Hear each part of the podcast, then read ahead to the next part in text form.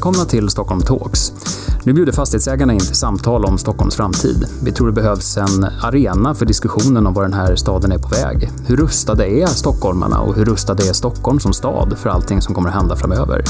Vilka är våra möjligheter och utmaningar? Och inte minst, vad gör stockholmarna glada? Vad gör att våra besökare vill återvända? Du är välkommen att lyssna, men du är också precis lika välkommen att delta i det samtalet som alla stockholmare behöver vara med i. Välkomna till ett eh, nytt avsnitt utav Stockholm Talks, Fastighetsägarna Stockholms eh, plattform för diskussioner om eh, var den här regionen och staden är på väg och vad som egentligen händer. Det är inte bara corona utan det är andra trender också, men de kanske förstärks rätt mycket under pandemin. Det är ju lite mörka tider som vi befinner oss i just nu eh, på många sätt. Både så att säga, i ljuset runt omkring oss men också hur, hur samhället mår under den här pandemin. Och vi tänkte under några avsnitt nu prata om någonting som ändå är lite roligt. Det vill säga saker som har tillfört staden som faktiskt inte fanns förut och som eh, kanske visar på en del trender som kommer att bestå långt efter krisen och som började långt innan. Några sådana ska vi prata om, en av dem idag. Eh, per Slingman kommer att leda oss genom samtalet och du kan väl berätta lite grann vem vi ska träffa idag? Tack så mycket. Eh, idag ska vi prata om någonting, eh, om en gäst eh, som jobbar och verkar väldigt nära en en utveckling vi pratat mycket om, nämligen framväxten av hantverk i Stockholm. Både framväxten av eh, faktiskt praktiskt hantverk. Eh, vi har ju haft gäster tidigare som eh, jobbar som, med både destilleri och bryggeri och sådär. Men också lite grann om stockholmarnas eh, uppenbara vilja att i sin konsumtion också komma närmare producenterna. Och gäst idag det är Linda Lönnqvist som eh, dels, eh, vi ska prata med eh, henne och dig alldeles strax, dels driver Lönnqvists skafferi. Eh, och dels eh, har varit med och tagit initiativ till att driva flera rekoringar i Stockholm. Vi ska alldeles snart prata om vad det är för någonting. Men varmt välkommen! Tusen tack! När du kom här precis innan, jag ska säga vi spelar in detta eh, några dagar innan jul. Så sa du så här, jag sover ungefär tre timmar varje natt. Varför sover du bara tre timmar varje natt? Ja, men det är hett med närproducerad mat i Stockholm just nu. Och eh, för mitt eget företag så dubblerar jag nog försäljningen sen förra julen. Och vad gör du för någonting? Eh, nu till jul gör jag inlagd sill mm. och även lite paj som passar till jul och sådär. Mm. Men framförallt så gör jag sillinläggningar. Och eh, via vilka kanaler säljer du? I första hand så säljer jag via rekoringar. Mm. Och sen har jag lite väl utvalda butiker som tar in mitt sortiment. Och det är ungefär där min kapacitet räcker just nu. Och var någonstans eh, gör du produktionen? Jag misstänker att du fiskar kanske inte i Stockholms innerstad. Nej. Men, men eh, berätta hur det går till. Hur, hur, ser ett hantverk i Stockholm eh, ut? Råvaran, det vill säga sillen, tar jag hem eh, från västkusten såklart. Och eh, det är väldigt mycket fokus på att det är en fin sill. Eh, den är såklart MSC märkt och eh, fiskas i vilda bestånd och så vidare. Eh, sen bereds det i Vallentuna, i mitt produktionskök där. Och det är eh, mycket just nu. Mm. Det, det, har varit helt fantastisk mm. försäljning i de här ekoringarna. Mm. Och vi har ibland faktiskt flera stycken varje dag som vi mm. åker på. Men jag tänker så här, du säger att, att stockholmarnas vilja att handla närproducerat verkar eh, väldigt stort. Mm. Vad tror du ligger bakom det? Jag tror det är flera saker. Mm. Eh, om man tittar på den här julen, eftersom det har varit en otrolig tillväxt mm. nu under december, så tror jag att eh, vi firar inte jul på samma sätt som vi har gjort eh, tidigare. Och eh, medvetenheten om lokalproducerad mat ökar och eh, det i kombination med att man kanske vill unna sig lite extra i år när världen ser ut som den gör. Eh, tror jag gör att många söker sig till de Så här... Så det är både kan man säga, faktorer som är lite mer specifika, mm. som handlar om att just liksom, eh, pandemins restriktioner eh, tvingar oss till annorlunda jular. Men det finns också någonting värderingsmässigt i det här att man prioriterar det lokala. Det, det, är min uppfattning, ja. Och hur, hur, hur, länge har du ägnat dig åt hantverk i Stockholm? I ganska exakt tre år faktiskt. Mm. Mitt företag startade via att jag eh, hade sillinläggningar som hobby i många, många år. Och eh, gav bort till vänner i ett antal år och kalibrerade mina recept och provade nya. Och till slut började vänner och bekanta säga att det där borde du testa att sälja. Så att eh, på julmarknaden i Täbytorg 2017 stod jag och sålde mina första, första 50 burkar. Och tänkte det här är helt fantastiskt. Vart ska jag sälja mer? Och blev tipsad om att du borde testa att sälja på rekoringar. Och då fanns det inga sådana här i Stockholm. Mm. Och jag tyckte att idén var så strålande mm. så att jag tänkte... Låt oss berätta. Berätta, ja. vad, är, vad är en rekoring? För om det nu är någon som ja. inte är medlem eller hört talas om det. och är man inte det så bör man såklart gå med här mm. nu alldeles omedelbart. Mm. Eh, en rekoring är en Facebookgrupp. Mm. Eh, I Stockholm finns det 25 stycken idag, placerade på geografiska satta ställen som är lätta att ta sig till. Eh, och eh, i de grupperna kan man handla lokalproducerad mat direkt från producenten utan mellanhänder. Eh, värdegrunden är just eh, att eh, producenten kommer själv och levererar sina saker. Vi träffas varannan vecka i de olika grupperna. Och eh, producenterna lägger upp en annons i den här gruppen. Och som konsument så beställer man och eh, sen hämtar man allt på förvalda platser på bestämda dagar och tider. För, när, när ni möts då, för mm. det, är, det är en digital plattform ja, som möjliggör eh, hela försäljningen och mötet mellan producent och konsument. Ja. Men själva det fysiska mötet sker fysiskt. Ja, så är det. Är människor som kommer och hämtar i ditt fall sill från dig, är de intresserade? Ställer de frågor? Mycket. Finns det finns en nyfikenhet kring produkten, ursprung, hantverket? Ja, det gör det. Och det är, det, som, det är en av de grejerna som jag tycker är helt fantastiskt med Reko, att producenterna har en transparens om sina produkter som man aldrig kan få i en vanlig livsmedelsbutik. Jag måste faktiskt ha ett väldigt roligt exempel mm. som dök upp här eh, härom veckan faktiskt. Eh, vi har en producent som säljer mjöl som mm. tillverkas eh, och, och mals strax utanför Stockholm. Och en konsument ställde till den här producenten och ville veta vad proteinhalten, askhalten och falltalet var från mm. den specifika skörden. Mm. Jag menar hur många livsmedelsbutiker kan, kan du gå in och fråga? Det. Nej. Ja, ja, nej, men absolut. Alltså, det var ju en väldigt nischad fråga, men jag tycker mm. grejen är så fantastisk att du kan ställa de där frågorna till producenten antingen i din beställning eller när man träffas. Och du har startat flera rekoringar? Ja, fem stycken har jag startat mm. och vi är med och administrerar ytterligare en sjätte här i mm. Stockholm. Fantastiskt. Så den första var i, den heter Reko Stockholm mm. Sollentuna nu och har närmare 12 000 medlemmar. Mm. Och totalt sett vet man hur många som i Stockholm är med? Ja, närmare 100 000 mm. är medlemmar i en rekoring idag. Stadigt ökande? Väldigt. Den, kurvan är spikrakt skulle jag ja. vilja säga. Och det är både Stockholms, det vi kallar för innerstaden och yttersta, alltså ytterområden ja. och förorter? Och... Vi har eh, tre, fyra stycken i innerstan och resten ligger i olika delar, både norr och söder om Stockholm. Mm. Och jag tänker att det finns ju två intressanta dimensioner i detta. Det ena, och det nämnde vi ju här, det är ju att det här skapar en möjlighet för konsumenter att mm. träffa producenten. Och därmed också eh, att samtala, lära sig mer om ursprung eh, och bli liksom mer en del av eh, det man äter. Mm. Men det andra tycker jag var intressant och det var det du själv nämnde din egen resa. Att, att rekoringar skapar också en möjlighet för små producenter att nå konsumenterna. Som kanske är väldigt svårt annars i, i en stad med ett väldigt fåtal eh, i dagligvaruhandeln där det är väldigt svårt att komma in. Så är det. Och eh, vad vi ser nu under pandemin också det är att eh, människor som till exempel har blivit eh, permitterade eller till och med uppsagda har vågat ta steget och, och förverkliga sin dröm om det här lilla mathantverksföretaget som man... Och vad kan det vara exempelvis? Eh, ja, Många börjar ju med kanske att baka lite och mm. göra sylt och sånt där. Men det finns ju andra som gör nischade saker med. Eh, drycker, kaffe, eh, ja lite olika saker så. Mm. Eh, vid Sollentuna när vi har utlämning där så har vi mellan 40 och 60 producenter som kommer och levererar.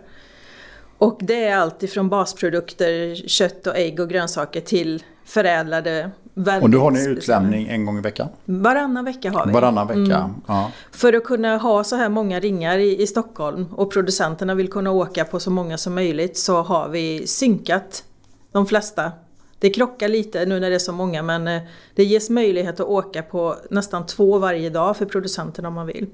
Om jag ställer frågan så här till dig, mm. för det här är ju ett fenomen som har vuxit väldigt, väldigt starkt. Och väldigt fort Väldigt också. fort. Vi nämnde det tidigare, jag tror att du sa att för två år sedan så var det kanske under tusen personer i Stockholm ja. som var medlemmar. Nu är det över hundratusen. Mm. Och det betyder att, att i Stockholm så, ut, bredvid alla gängse strukturer, så skapar vi helt nya plattformar. Som är någonstans i en hybridform mellan digitalt och fysiskt. Mm. Tror du att vi bara har sett början och att det här i grunden kommer att på riktigt förändra en stad som Stockholm? Jag hoppas hoppas att eh, det gör det, men vart det tar vägen är en fråga jag får väldigt ofta. Och vi försöker titta eh, oss runt omkring vad man kan göra för att få fler och fler människor bli medvetna om att handla lokalproducerat. Eh, det stora arbetet tycker jag själv ligger i att få större livsmedelskedjor och satsa på lokala producenter. Och om vi som rekoringar kan, kan göra kedjorna medvetna om att titta här vad mycket producenter vi som säljer här. Vi har över 150 producenter som säljer i de fem, sex ringarna som jag är med och administrerar. Jag tänker så här, du, mm. du, pratar väldigt mycket om lokalproducerat. Mm. Och det är klart, det är intressant för en stad med ganska hög befolkningstäthet mm. att, att kunna hitta ett samspel med eh, områdena som ligger strax utanför staden. Mm. Jag tänker också på det här med hantverk. Att det finns en hantverksmässig tradition, en, en hantverksmässig produktion, att det finns ett personligt engagemang i produktionen. Och det är ju något som jag personligen brinner för mm. när vi tittar på de producenterna som, som kommer in i ringarna. Mm. Det är ju lite speciellt nu under pandemin för vi får begränsa antalet producenter på grund av att mm. eh, vi måste hålla distans på parkeringarna och så vidare. Eh, så att eh, vi har betydligt fler producenter som vill in och sälja än vad, vad som vi helt enkelt kan ta in. Men ja, eftersom jag själv har gjort den resan eh, från hobby till att ha ett företag så, så tycker jag att det är fantastiskt att kunna få möjlighet genom just den, den här försäljningskanalen och etablera sig eh, som livsmedelsproducent mm. i Stockholm. Jag tänkte så här, du sa du är lite osäker på så här, vart det tar vägen. Mm. Vågar inte riktigt eh, titta i spåkulan. Men om man ställer frågan så här då, vad är din vision? Vad hoppas du på? Har du någon så här vision om att så här skulle Stockholm kunna se ut när vi liksom konsumerar hantverk, närproducerat, hållbart och så vidare? Jag har två aspekter på det egentligen. Vad vi saknar nu för att och, återigen knyta till pandemin, det är den sociala biten. Om vi börjar där då. Där hoppas jag ju att rekoringarna växer och eh, kanske inte blir större men man kanske ökar till en gång i veckan till exempel och så vidare. Att de blir ytterligare lite mer lokala i framtiden. Eh, vad man ser på utlämningarna det är att människor drar ner tempot. Man går och kikar. Eh, man umgås, man träffar vänner och bekanta. Tyvärr har vi ju fått eliminera det nu under pandemin. Man får ganska kort tid på sig att bara hämta sina påsar för att det inte ska skapa för mycket folk på plats helt enkelt. Det, så, det som är så otroligt intressant med det här det är ju att parallellt med att det här sker så har vi hela den andra diskussionen om handelns död, butiksdöden. Mm. När liksom traditionell handel, kedjor eh, befinner sig i en mycket, mycket akut kris och utmanas av e-handel. Så har vi en annan del av handeln som egentligen växer och som växer så mycket som man inte kan, kan ta hand om det. Ja, och jag vill påstå att Reko här i Stockholm tillhör den. Mm. Majoriteten producenter som jag träffar varje dag är ungefär som mig just nu inför jul. Vi har så mycket att göra så att vi, man får sätta stopp helt mm. enkelt. Och det är helt fantastiskt. Men just vad det gäller utlämningarna så, så, tycker jag att den här, den här eh, så, som det var förr när man gick till torget och, och du kände grönsakshandlaren och du visste till namn vad, vad de hette som stod och sålde och så vidare. Den biten tycker jag i dagens samhälle är superviktig och den hoppas jag att vi ska hitta tillbaka till. Men det är väl ett, det är, är, är, det inte så egentligen att, att hela framväxten och tillväxten på Reko är, är ett, ett, ett, ett rop från konsumenterna på att vilja gå tillbaka till någonting lite långsammare, lite närmare. Ja, fast på ett nytt sätt. Ja, och det man tänker också så här, man kanske skiljer ut en del av sin konsumtion, kanske man gör mycket mer funktionellt. Och det vill man att det ska komma egentligen helt utan att, alltså man tar Eh, toalettpapper, grundläggande saker man har hemma ska bara komma. Mm. Och en del av sin konsumtion, och då väljer man att lägga tid på det i sociala sammanhang. Och det här är liksom en en konsumtionsupplevelse. Och du har ju intressant här, så det vi går tillbaka till, i alla fall vår dröm om hur det var tidigare. Jag vet inte, jag var inte med, så att, eh, men, men det är så man har fått det återberättat. Alltså jag tycker ju när min farmor och farfar mm. handlade på torget i Varberg på, mm. på sommaren på 70-talet så var det ju så. Det, det räcker med 70-talet. Ja, det tycker dit, jag i alla dit fall. Dit kan vi gå. Ja, då har vi spänt bågen. Då vet vi hur gamla vi är också. ja, men du, får jag fråga. Du är då du är producent själv. Du ja. eh, jobbar med Rekoringarna. Mm. Hur är det att verka i Stockholm? Eh, hur, hur tänker du? Ja, Stockholm alltså, som, som stad, tycker, känns, känner, känns det som att allting är tillåtande? Och jag tänker också med, från myndigheter, fastighetsägare. Eh, ja, För det är lite, ni är lite udda fåglar här. Ja. Helt plötsligt så, så uppstår det handel på en parkeringsplats mm. exempelvis. Mm. Det är ju lite udda. Vi ser ju alltid till att ha tillstånd där vi står mm. såklart. Mm, eh, och jag vill också poängtera att eh, rekoringar eh, omfattas inte av några, några regler för det är ju livsmedelsförsäljning mm. och vi är dessutom utomhus. Men vi är väldigt, väldigt noga med att se till att det är väldigt distanserat. Det är många kvadratmeter per person på de här utlämningarna. Vill jag, mm. Så att ingen tror att det är folksamlingar, för det mm. är det inte. Trots kan också, att det är jag mycket... tänker också, vi kan inte mm. tänka bort pandemin, utan mer... Nej. Mm. Känns det som att, att, eh, att, skulle, att, man, att ni välkomnas? Eh, jag skulle önska att det fanns ett större intresse eh, mm. eh, från till exempel de kommunerna där vi har utlämningar. Eh, det, väldigt... Och vad skulle du vilja att kommunerna, hur skulle de kunna visa sitt intresse? Genom att vi till exempel kunde få marknadsföra oss på kommunens hemsida och sådana där saker.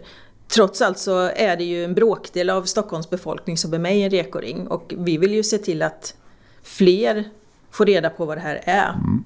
Eh, sen kan jag som, ta som ett exempel, Reko Södermalm startade vi nu i höst och vi har haft otroligt svårt, det var en blank spot i Stockholm.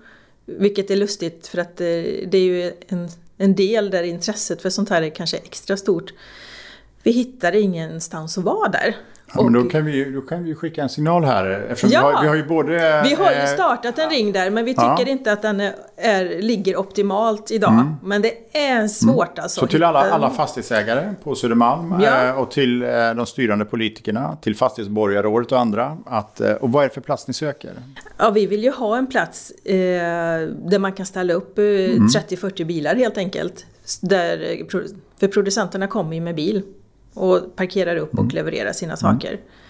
Vi tar, vi tar denna, mm, tar denna fråga och tar vidare den. Men absolut, för att, att, och det kan man säga, det är någonting vi har märkt under de här samtalen, att, att rätt mycket när det gäller hur man kan utveckla Stockholm handlar om den här typen av ganska praktiska frågor. Mm. Där liksom rätt personer måste nås av rätt behov och att, att Sen gör ju vi allt, all administration med REKO gör ju vi ideellt också, mm. ska man inte glömma. Eh, utöver att vi är oftast producenter själva. Mm. Men, eh, så det tar, alltså det tar tid men vilke, alltså man träffar ju otroligt mm. mycket fantastiska människor. Både kunder och producenter. Så är det. Och jag tänker så här, om man blickar utanför Stockholms eh, mm. regionen och eh, tullarna. Finns det någon annan stad i världen där, som du känner att Stockholm skulle kunna inspireras av? Vad det gäller ekoringar? Exempelvis. Mm. Vi tittar ganska mycket på eh, hur reko ser ut i Oslo till exempel. Mm. Och eh, hämtar mycket inspiration. Reko i Trondheim tror jag har 40 000 medlemmar i en enskild ring idag. Mm. Och de använder en stor IKEA-parkering. Mm. Och eh, en av rekoringarna i Oslo har jag sett nu har närmare 80 producenter per utlämning. Och det är en liten utmaning men eh, så roligt och vilka fantastiska grejer man kan handla alltså. Men jag tänker så här, i samband med utlämningarna, mm. är, det, är det tillåtet att ha servering och annat om man skulle vilja? Vi vill inte ha det. Nej. Eh, en fördel med just rekoringar är att allting är förbeställt. Mm. Du får inget svinn som producent, du slipper släpa grejer fram och tillbaka som du till exempel gör på en marknad. Då. Vi vill hålla det till... Det är ingen spontanförsäljning? Vi har väl funderat på att göra det någon, mm. vid något enskilt tillfälle och fått frågan. Men det kom ju något annat emellan här nu mm. det här året så att eh, vi håller den öppen och eh, till exempel ha en höstmarknad och en vårmarknad eller något liknande med även försäljning. Men vi är rädda att man tappar mm. försäljning eller förbeställningarna mm. och få åka hem och ja, och det finns ju det här poängen med svinn och ja. absolut. Man maximerar kvällen och utlämningen genom att bara mm. lämna ut påsar. Mm. Bra, jag tänkte att vi börjar eh, så smått eh, runda av här. Eh, jag tänkte så här att, att det här är ju program vi sänder under julhelgerna. Fokus är lite grann att titta på hur, hur fenomen som tillför staden någonting som växer. Och då tänkte jag så här att, att du driver ett antal rekoringar. Vad är det stockholmarna efterfrågar? Vad gillar stockholmarna? Vad är Stockholm för, för människor? Vad är det vi köper? Jag skulle vilja säga att eh, det är förvånansvärt mycket kött faktiskt som säljs. Mm. Men vad som är roligt är att det är också väldigt specifika detaljer på djuren. Och det är också rätt kött, om man får kalla det så. Det är mm. ju gräsbetande djur mm. som bidrar till ekosystemet. Och det märker jag att eh, konsumenter frågar en del om. Man vill äta kött, men man vill äta Rött kött. Mm. Och sen alltså basvaror, ägg, grönsaker. Men också det här lilla extra med en ask chokladpraliner, eh, en påse bullar, några flaskor saft. Ehm, ja, som sagt, vi har fått med lite kaffeproducenter nu som rostar bönor lokalt. och eh, lite nischade saker. Vi har en producent som säljer tonicvatten till exempel. Går mycket på sommaren. Mm. Men kanske även ut till nyår och lite sådär. Ehm, ja, jag tror du, alltså, i grund och botten kan du göra din vanliga veckohandling på en rekoring med mm. bara lokalproducerad mat. Och det tycker mm. jag är Och det som, är, det som också är så här härligt när man lyssnar i din underton så, så visar det att det finns ett väldigt stort intresse och kunskap bland, bland stockholmarna. Eh, att lära sig mer om maten, man mm. kan ganska mycket. Det finns en väldig medvetenhet om vad man vill äta. Det gör det. Och jag, jag tycker det är så roligt med det engagemanget eh, som man ser i de här Facebookgrupperna. Att eh, kunderna är engagerade och även producenterna såklart. Och man ser det även på utlämningar. Det är en väldigt uppsluppen atmosfär när vi har de här träffarna. Och det är så roligt för mig som producent och känna mina kunder. Jag träffar dem regelbundet och så vidare. Mm. Det är det... verkligen det här att, att i en stor stad också hitta det lilla och återgå till, till mötet ah. mellan producent och konsument. Och, I kanske ett lite lägre tempo. Mycket lägre. Mm. Och det tycker jag är superviktigt. Mm. Bra, jag tycker att det är ganska bra slutord. Eh, för en eh, intervju som sänds under julhelgerna. Stort tack Linda för att du kom. Tack själv. Stort lycka till eh, både med eh, Lundqvist Skafferi och om någon som lyssnar vill köpa dina produkter så gör man hur då? Då tycker jag att man ska gå med i en rekoring. Mm. Söker man på eh, Reko Stockholm, kan, man kan både googla eller söka på Facebook så hittar man de flesta och jag säljer i de flesta. Mm. Bra. Tack så mycket. Och vi tar också frågan vi fick här, Oskar, om eh, behovet av en bra utlämningsplats på Södermalm. Mm. Kanske Stockholm Tågs kan bli en praktisk mäklare. Exakt, vi får starta mäklartjänst i poddformat. Eh, Precis, vad, vad, vad, säger du? Nej, men dels måste vi börja med att säga att, att, just i de här mörka tiderna, bara att få lyssna på en företagare som säger så här, jag har dubblerat eller varit till och med tredubblat min omsättning de senaste tiden. Det, det, är inte så ofta man hör det, så det, det känns ju hoppingivande att det finns sådana exempel också. Men jag tänker lite grann så här, att det här är ett väldigt tydligt exempel på det som vi har pratat om många gånger, att det kommer trender som har funnits under flera år. Jag börjar någonstans. Förlåt, det var, jag, jag, jag hade den på ljudet men det Inga var min problem. dotter. Jag ska, kan jag bara... Ja men ta det så. Hej gumman, jag sitter lite upptagen nu. Var det något speciellt? Ja men gör det, ingen är hemma nu. Puss hej hon kan ringa igenom telefonen. Mm, ja, jag är precis. jätteledsen. Mm, det gör ingenting alls. Det är bara hon som kan det. Mm, ja. Nej, men jag tänker att det här också är ett väldigt tydligt exempel på det vi har pratat om flera gånger. Att vi har ett antal trender som har funnits i, i städer generellt och som lite grann turboladdas utav pandemin. Och det är klart att det här som vi pratar om idag, både med egentligen att ja, behovet eller viljan av att köpa närproducerat är ju en sån. Medvetna konsumenter, så vi har ju sett det här under, under flera års tid egentligen. Och då ser man lite grann hur det här ja, turboladdas, att det blir ett större intresse utav att man, eh, ja, man tillbringar mer tid hemma kanske, man kanske lagar mer mat hemma. Men precis de här delarna är ju också det vi ser i stadens utveckling. Det vill säga att ja, mat och dryck har ju varit ett socialt klister för människor i alla tider. Men det börjar också bli ett, vad ska vi säga, ett urbant klister. Att det kan ju vi se, att vad är det som drar besökare till, till städer? Ja, det är väldigt mycket möten, som Linda var inne på. Det är mat och dryck på ett helt annat sätt än, än vad det har varit tidigare. Alltså upplevelser. Och det här är ju verkligen ett tydligt exempel på det. Mm, absolut, och jag tycker också det är lite spännande här att det här är ju vi har ju pratat så länge om att vi har levt i en tid med snabb digitalisering. Och plötsligt så kan man säga att, att de digitala plattformarna leder till väldigt tydliga förändringar. Och det är egentligen inte styrt av någon central person. Nej.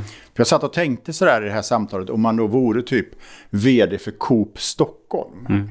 Det är mycket, mycket svårare att förhålla sig och skapa den här typen av ganska dynamiska platser som bygger på frivillighet och personligt engagemang.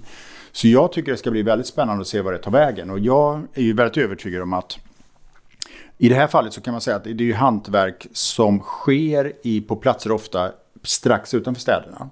Som tar sig in i städerna. Men jag tror att vi också kommer få se väldigt mycket hantverk i städerna. Eh, och eh, det är roligt, vi gör ju några intervjuer nu under de här eh, under julhelgen. Och eh, den nästa intervju vi kommer publicera det är ju en aktör som odlar sallad i Stockholm, i ett parkeringsgarage. Då kan man, både här Så det sker saker och ting på många, både härproducerat och mm. närproducerat. Eh, men allting bygger på det här hantverket och kärleken till liksom den egna hantverket och produktionen. Mm. Och väldigt mycket koppling skulle jag säga just till vad människor faktiskt vill ha ut utav, utav Stockholm just nu. Vi, vi, för någon vecka sedan så ehm, publicerade vi en rapport som heter Våra drömmars stad. Eh, där vi frågade lite drygt tusen stockholmare i åldern mellan 15 och 75. Eh, så här, vad, vad, ja, vad gillar man med Stockholm? Vad vill man se för typ av stad framöver?